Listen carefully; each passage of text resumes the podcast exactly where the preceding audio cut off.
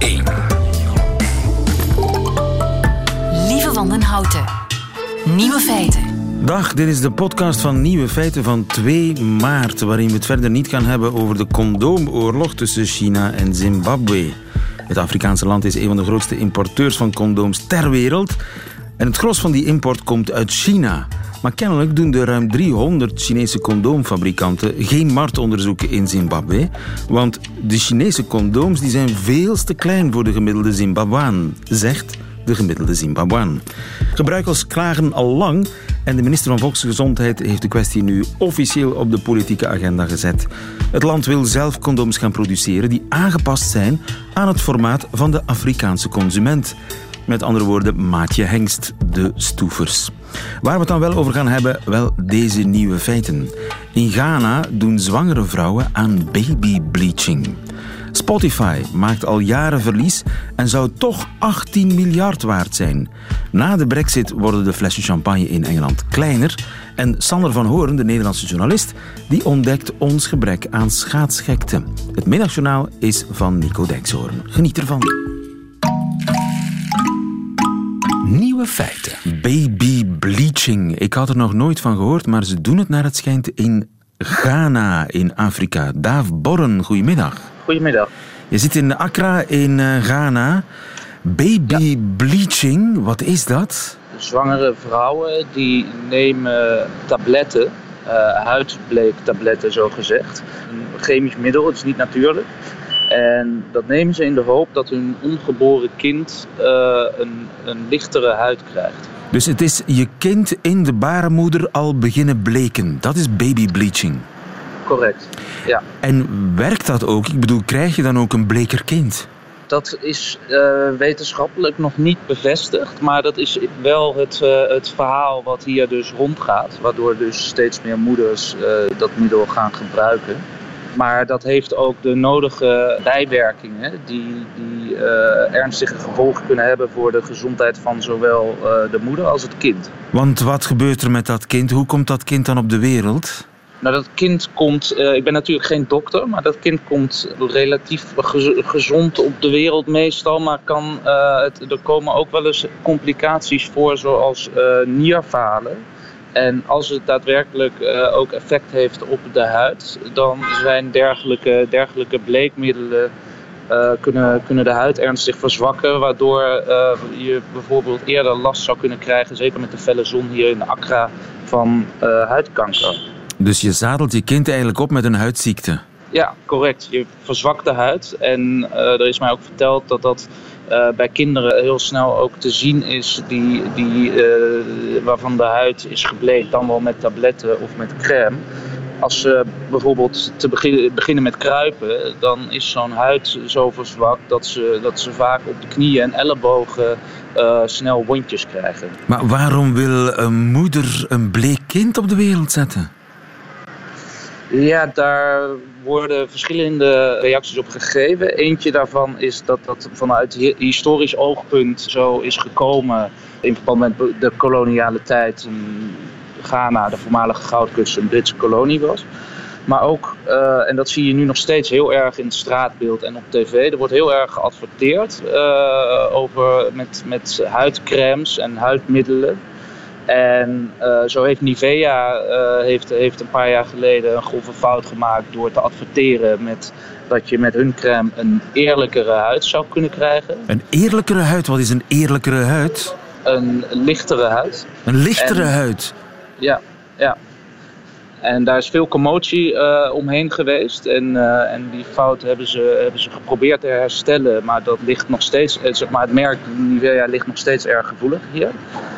Daarnaast zie ik het nu ook nog steeds als ik rondloop. Dan wordt er met crèmes geadverteerd. En dan is er altijd een model met een lichtere huid dat uh, daarbij geplaatst wordt. Dus het is nog altijd chic om een um, lichtere huid te hebben? Ja, en vooral uh, de lagere klasse van de Ghanese samenleving is daar vatbaar voor. Omdat zij hebben het gevoel, en in mijn ogen is dat ook echt zo, dat de, als, als zij bijvoorbeeld solliciteren voor een baan, dat uh, als je een lichtere huid hebt, dat het makkelijker is om aan een baan te komen dan als je een donkere huid hebt. En dat babybleaching, is dat iets Ghanese of gebeurt dat elders in Afrika ook? Ik denk dat het in de regio ook gebeurt. Ik weet dat in Ivoorkust dat ook gebeurt. Maar het gebeurt intensiever in Ghana.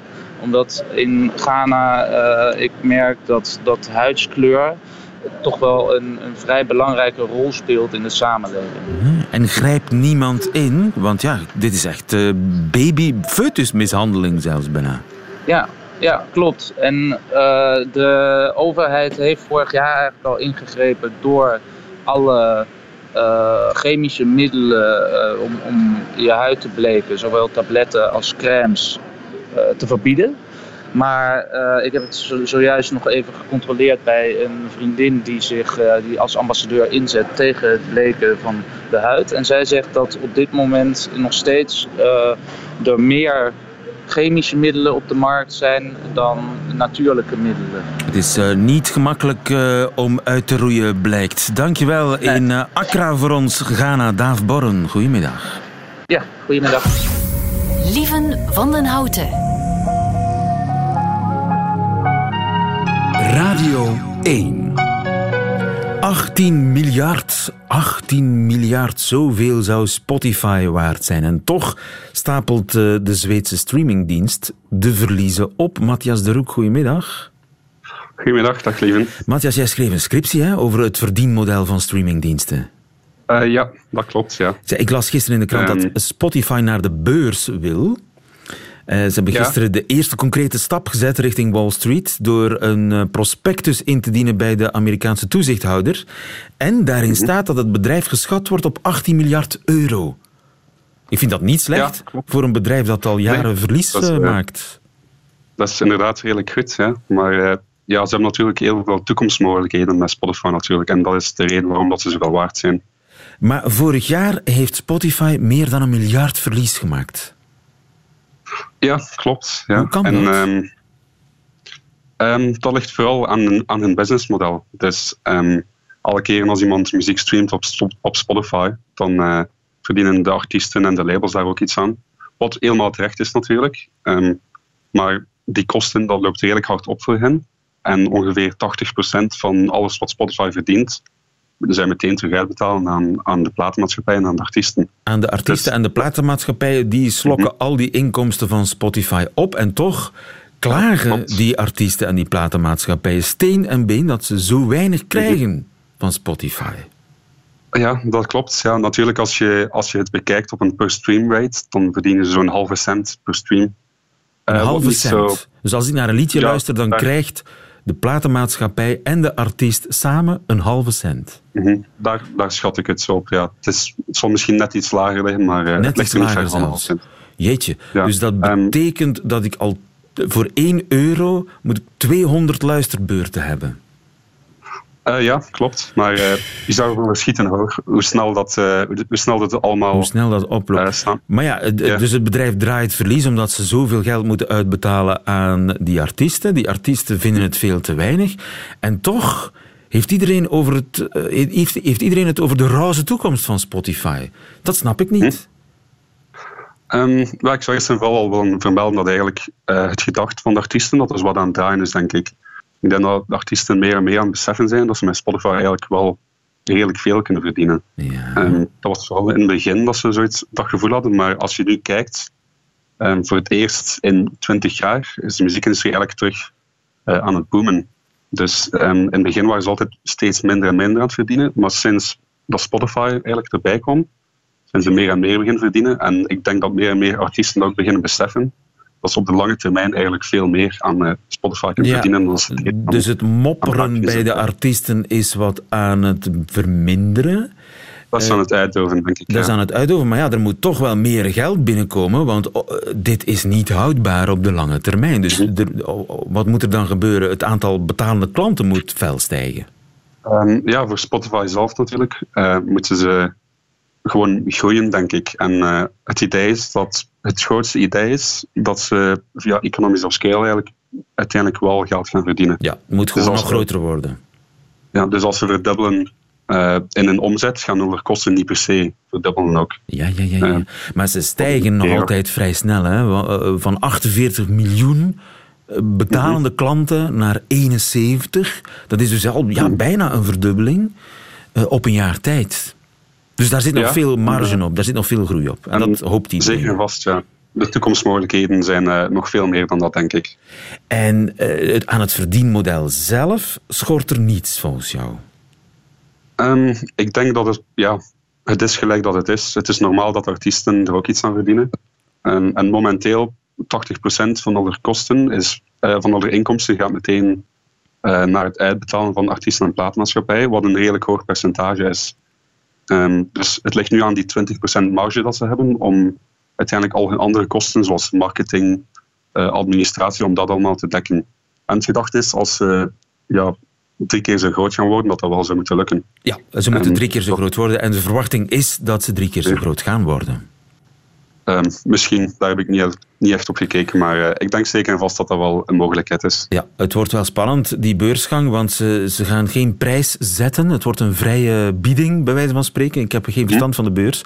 Maar uh, ja, dus de, de, de aandeelhouder zal, of de kandidaat, koper van die aandelen, zal betalen wat hij wat hij daar wil voor betalen. Dus dat wordt nog een, eh, een spannende zaak. Dankjewel, Matthias. Okay, Spotify 18 miljard waard en waarschijnlijk terecht. I have a question. It might seem strange. How are your lungs? Are they in pain? Cause mine are aching. Think I know why. I kinda like it though. You wanna try? Oh. YouTube als verdienmodel, dat kan natuurlijk ook. Het YouTube-fenomeen Dodie en Would You Be So Kind. Nieuwe feiten.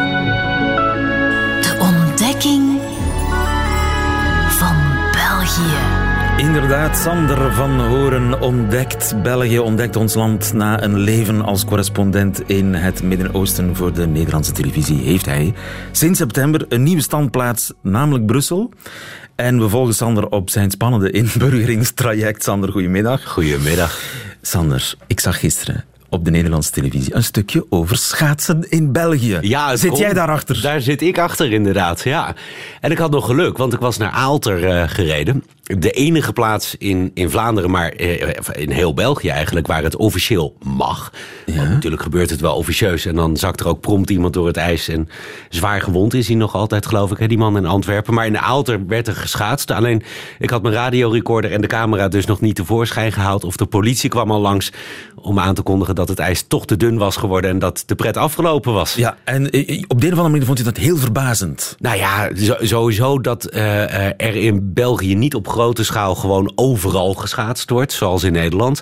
Uh, maar dat er dan wel uh, geschaatst wordt. En ik wilde wel zien uh, wie daar dan op afkomt. En of dan de koorts een beetje is zoals hij in Nederland is. Als je was op zoek naar schaatsgekte en je hebt hem niet gevonden. Ik heb hem, nou ja, nog net even vijf minuten gevonden. En daarna grote teleurstelling. En de, maar zouden Nederlanders dan minder gedwee het ijs verlaten als iemand roept...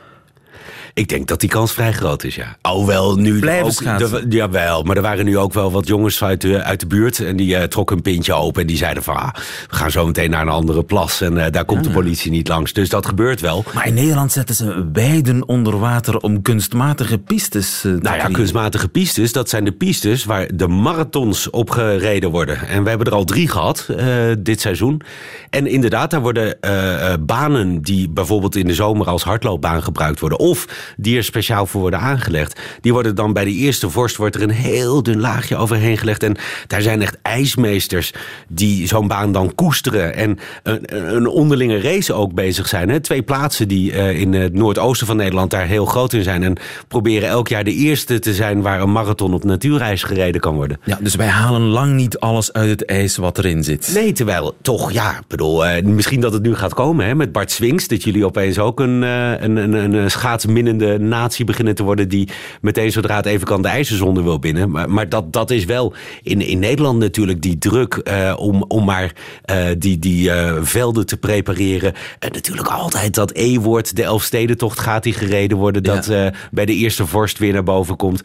Ja, dat hebben jullie echt helemaal niet. Nee, En- dat zit niet in onze genen. Kijk, Nee, dat is en dat, dat vind ik dan ook. Misschien is het een beetje een wisselwerking. Want in Nederland heb je natuurlijk die druk op die ijsverenigingen. Überhaupt dat je ijsverenigingen hebt. Heb je de druk. IJsverenigingen. Precies, heb je de druk op waterschappen om bijvoorbeeld eh, vaarwegen stil te leggen. Dat gebeurt ook. Om gemalen stil te leggen. Ja, ik weet niet of jullie ze überhaupt hebben in België. Maar dat is om de polders eh, eh, te reguleren.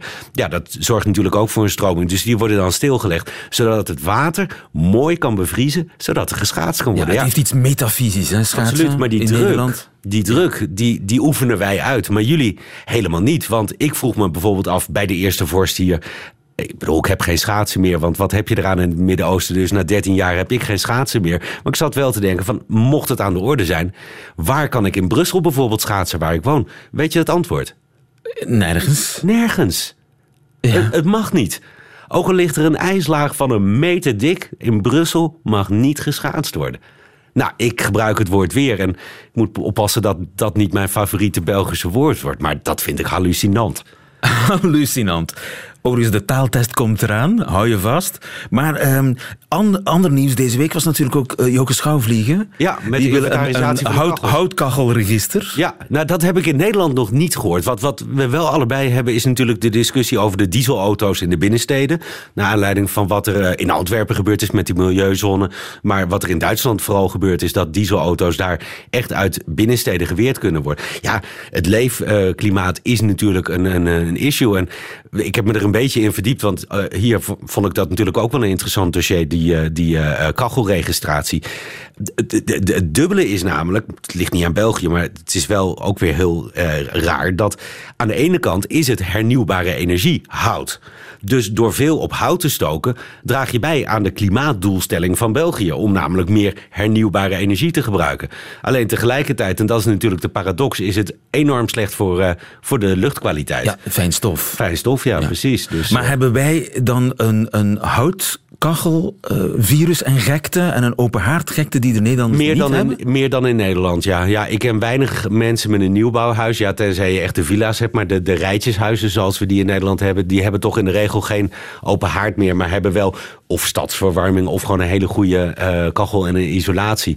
En wij, wij zijn denk ik toch iets eerder begonnen... misschien met, met eh, eh, warmtepompen. Ook hoe kun je Ja. warmte zo efficiënt mogelijk inzetten. Ja, en haardvuur is gewoon niet efficiënt. Het grootste Ja. deel van de warmte gaat gewoon via de Het is schoorsteen. niet efficiënt, maar wel oer, hè? Ja, ik heb er ook eentje. Ah, voilà, dus je bent toch al... een- Ja, dat is al een, enorme score, levert dat op op je inburgering, hè? Toch? En ik Ja, gebruik een open, ook. een open haard en een houtkachel. Ja, nee, dat is... Even, even voordat we aan de woorden beginnen. Weet Ja. jij wat een ijstransplantatie is? Een ijstransplantatie. Mocht je ooit in Nederland gaan wonen, dan wordt dat echt nummer één op je inburgeringscursus. IJstransplantatie. Ja. Dat je ijs uit eh, een plek waar heel veel ijs is, overbrengt op een plek waar het nog een beetje te weinig ijs is. Waar bijvoorbeeld een groot wak is. En waar Je bijvoorbeeld wel uiteindelijk een, eh, een marathon of een Elfstedentocht wil gaan rijden. Dan eh, zorg je ervoor dat daar ijs getransplanteerd wordt. En dan hoop je dat dat mooi dichtvriest.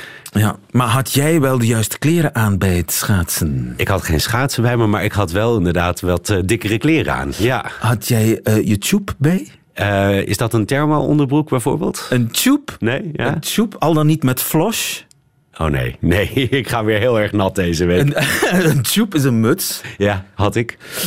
met een flosh. Een cagoule bijvoorbeeld. Maar dat schijnt niet algemeen te zijn. Een cagoule. Wat is het? Ja, dat is een, een bivakmuts. Bivakmuts, ja. Ja, en- Ja, die heeft bij mij toch altijd nog wel weer een andere associatie. Eh, in het Ja. Midden-Oosten worden bivakmutsen gedragen, maar dan op andere momenten. En, en eh, onderweg heb je niet te veel geslierd? Eh, geslipt. Ja! Ja. Slieren, slippen. Leven de context. Nee, zat- nee, het viel nog mee. Ik denk dat dat zo meteen gaat beginnen, want hier in Brussel... In elk Zonder geval context de- had je het niet geweten. Nee, Eh, nee, slierten, slieren. nee. Want hier in Brussel was eh, de IJssel ook weer zo'n woord waar we in verschillen. Bij jullie heet dat bevriezende regen, geloof ik, hè? IJzel zeggen we ook hoor. Ook wel. Ja, het ijzel. is goed begonnen buiten. Misschien is er een verschil met bevroren regen en ijs, ijzel. Dat moeten we eens aan eh, de weerman vragen. En na het schaatsen dan eh pistoleetje. Nee, maar er was helemaal niks te krijgen aan de kant. Oh, Oké, pistoletje klopt. Oké, het gaat vooruit. Gekapt. wij- wij- maar koek en zopie. Huh? Wat? Koek en zopie. Koek en zopie? Ja, dat is eh, ja, worst, warme chocolademelk, glühwein. In elk geval de, de steentjes die bij ons, als er ook maar een beetje ijs ligt... waar iemand met één schaats op durft... dan staat er meteen een koek en zopie steentje. Dat is dan de lokale handelaar die denkt van... ja, mensen die hebben het koud, die willen warm worden... dus ik ga aan het ijs eh, eh, verkopen. Ik heb er Koek gisteren... en zopie, Ja, ik heb er gisteren naar gezocht, maar niet te vinden. Dus de handelaarsgeest bij de Belgen op het ijs... ja, die ontbreekt ook nog wel een beetje. Maar ik, ik stip aan pistoletje ken je, dat is een kadetje in Nederland. Ja, ja, ja. En eh, wij doen daar soms gekapt op. Gekapt. Dat is iets- anders dan hesp. Ja, gekapt. Kappen? Kappen, ja, snijden. Ja. Hak, hakken? Gehakt. Jee! Ja. Dankjewel, Sander. En tot volgende week. Het gaat heel erg goed. Trouwens, onderweg naar de Kranenpoel in eh Bellem passeer je Hansbeke. Stoof onder rood gebakken pannen is gezelligheid een woord dat zacht aan je tong blijft plakken. Niet uit glazen, maar uit flessen. Kan je daar je dorst gaan lessen? Bij Leon en bij zijn ma, Cyril achterna. Café de Rijsduif, bij Leon en bij zijn ma. Cyril Buissen achterna. Ja, eerst ging zijn ma dood en toen Leon zelf. Het café bestaat niet meer. Daar wonen nu mensen in eh, Hansbeke in café De Rijsduif, waar langs Sander van Horen ongetwijfeld is gepasseerd zonder te slieren, onderweg naar de Kranenpoel in Bellen. Nieuwe feiten. Het eerste concrete voordeel van de brexit voor de Britten is bekend. Champagne in halve liter flessen. Frank van der Aura, goedemiddag. Goedemiddag. Verboden door Europa naar het schijnt in 1973. Maar eh, een van de grootste wijngaarden van Groot-Brittannië die heeft al gezegd dat ze zich klaarmaken om schuimwijn te leveren in flessen van een pint. Ja, Dat is iets meer dan een halve liter. En dat zou volgens Winston Churchill het ideale formaat zijn. Klopt dat? ja Ch- Churchill eh, beweerde dat toch. En hij is natuurlijk wel een, een kenner geweest, want hij dronk dus vooral zijn merk Paul Roger. Ik geloof dat er, eh, dat er een, ergens berekend werd dat hij 42.000 van die pint bottles heeft gedronken in zijn actief leven. Ja, 42.000. En, ja, en hij beweerde dat hij tegen zijn vrouw gezegd heeft van kijk, dat is de ideale maat, want als je bijvoorbeeld een, een lunch hebt, hè, is dat perfect. Dat zijn vier glazen in plaats van zes glazen uit een normale fles. Hè. Dus vier glazen, dat is perfect voor 's middags bij de lunch met tweeën en s'avonds voor iemand alleen. Hè. Ah ja, dus ideaal voor twee personen bij de lunch en voor één persoon bij het Ja, avondeten. voilà, bij het diner. Dus hij vond Een dat halve de liter ideale maat. En het is champagne. dus ook goed voor de producers. En het is ook goed voor het feit dat er nergens leftovers zijn. Hij heeft eigenlijk wel gelijk, hè? Ja, laten we zeggen, het is eigenlijk heel gek, hè? want bijvoorbeeld als je nu ziet, eh, bij de stille weiden, dus bij de niet-bubbels, is die halve liter wel toegelaten. Hè? En Europa heeft op een of andere manier de halve liter en ook de literfles eh, gebannen in de bubbelsfeer. Waarom? En dat is heel gek natuurlijk, want bijvoorbeeld als je nu bijvoorbeeld een vliegtuig of zoiets opstapt, dan heb je ook de, je hebt de 37,5, hè, dus een halve, een halve fles. Je hebt dus kleinere formaten op de trein, je hebt eh, kleinere formaten van, van stille wijnen. En toch die halve liter en die liter, die, worden, die zijn dus blijkbaar verboden toen inderdaad eh, Groot-Brittannië toetrad tot de Europese gemeenschap. Maar hebben we enig idee waarom Europa dat heeft Ah, verboden? Ik, ik denk dat het een combinatie is van twee dingen. Ten eerste, toen dat in 73 die, hè, die, dat lidmaatschap inging, toen nog maar pas een paar jaar daarvoor, daar, daar rond, werd die fles van 75 centiliter gestandardiseerd. Hè? Want dat is heel gek. Wij denken dat dat al eeuwen zo is. Dus al eeuwen bestonden er veel van die flessen. Maar we hadden nog ook eh, op, op wijnen hadden wij soms ook nog eh, vroeger 70 en 72 centiliter. Dus de Europese gemeenschap had dat dus pas echt gestandardiseerd, na Amerika trouwens. En eh, toen dat eh, de Britten erbij kwamen, wou men die waarschijnlijk een klein beetje ook jennen. Hè? En zeggen, kijk, eh, jullie met jullie imperial hè, eh, stelsel, nee, het metrische stelsel moet jullie overnemen. Het moet allemaal een beetje gestandaardiseerd worden. Ja, en ik denk dat ook. Ja, het is een beetje. Europa heeft zoveel van die ondoorgrondelijke eh, beslissingen. Hè. Zoals bijvoorbeeld ook de Fransen hebben, om de, bij de bubbels te blijven, er toch ook voor gezorgd toen dat Spanje erbij kwam, hè, met de cava, om ervoor te zorgen dat de, de benaming méthode champenoise, de bereidingswijze, dat die alleen maar bij champagne mocht, mocht zijn. Europa heeft dat dus toegezegd. En daarom hè, zijn we nu met cava methode traditioneel. Hè? Maar eh, zijn we zo gewoon aan die 75 uh, centiliter flessen dat we niets anders willen? Ja, ik denk dat het ook te maken heeft... Er zijn verschillende theorieën over. Hè, waarom dat die 75 centiliter, die al ook vroeger bestond en zo. Er zijn uh, zaken van, kijk, dat heeft te maken ook met uh, de, vooral Bordeaux. Omdat Bordeaux vroeger... Uh, ja, de Britten waren daar ook natuurlijk heel sterk in. Maar dat had dan te maken met hun zogenaamde dual English gallon. Dat dan iets van 4, zoveel liter was. Wel, als je daar dan de 0,75 pakt, dan kom je juist op 12 flessen die in een kist gingen.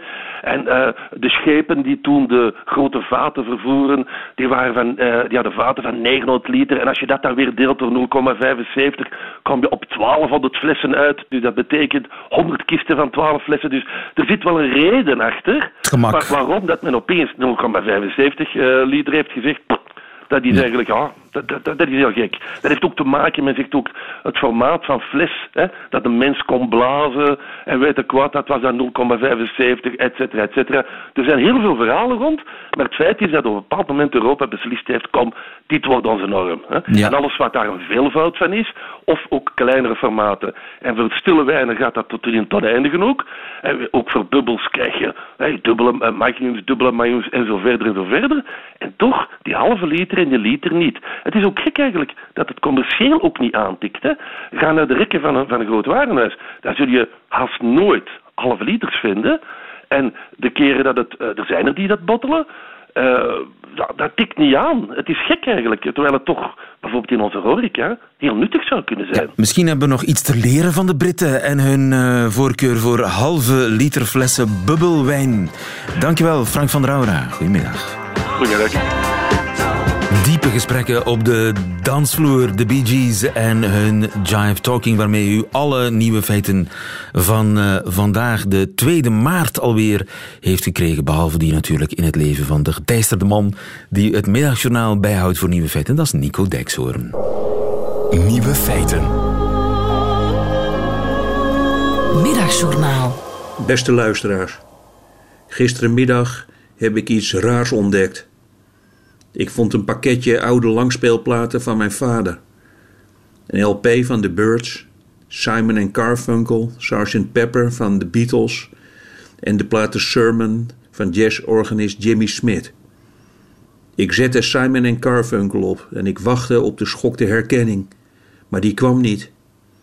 Ik kende geen één liedje. De volgende plaat, The Beatles, weer hetzelfde. Dit had ik mijn vader nog nooit horen draaien. En toen begreep ik het opeens. Mijn vader heeft zijn hele leven alleen kant 1 van LP's gedraaid. Alle liedjes op kant 1 die kan ik woord voor woord meezingen en alle liedjes op kant 2 die klinken voor mij als een commercial uit India. Nu heb ik na zitten denken. Waarom draaide mijn vader alleen kant 1 van LP's? En er zijn verschillende mogelijkheden volgens mij. Misschien wist hij helemaal niet dat je de LP om kon draaien. Dat zou zomaar kunnen. Ze hebben ook eeuwenlang gedacht dat de aarde plat was. Misschien wist mijn vader niet dat je allebei de kanten kon afspelen. Mijn vader wist bijvoorbeeld alles van auto's, maar mijn gitaar die hield hij vast als een bedorven dier. Het kan ook zijn dat hij gewoon nooit aan kant 2 is toegekomen. Mijn vader was met weinig tevreden. Een paar mooie liedjes op kant 1, dat vond hij waarschijnlijk al verwennerij. Maar vreemd blijft het wel dat hij bij voetbalwedstrijden wel wist dat er een tweede helft kwam. En dat weet ik dan weer, omdat hij een chocoladereep voor mij kocht, in de rust, die zo dun was dat je er doorheen kon kijken. Wat ook kan, is dat die plaat hem emotioneerde en dat hij moest huilen. En nu ik erover nadenk, hij zat altijd wel heel stilletjes in zijn stoeltje als Bridge over Troubled Water werd gezongen. Ik sluit niet uit dat hij zich in die tekst herkende. Dat zou wel echt iets voor mijn vader zijn. Dat hij dacht: ja, dit liedje gaat over mij. Als er ellende is, rottigheid, dan ben ik de brug. Maar wat ik eigenlijk hoop, dat is het volgende: dat mijn vader eerst kant 1 draaide, dat hij dan opstond En dat mijn moeder dan uit de keuken riep: Draai dit nou nog eens een keer, ik vond het zo mooi. En dat mijn vader dat dan deed. Het zou de mooiste oplossing zijn van dit vraagstuk. Ik heb alleen kant 1 van die platen gehoord, omdat mijn vader mijn moeder gelukkig wilde maken. Maar luisteraars, die kans is erg klein.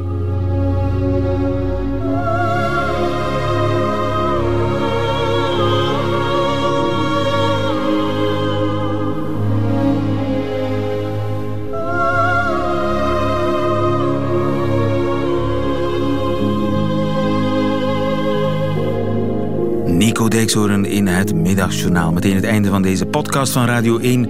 Meer podcasts op radio1.be en op de gebruikelijke podcastkanalen. Tot hoors.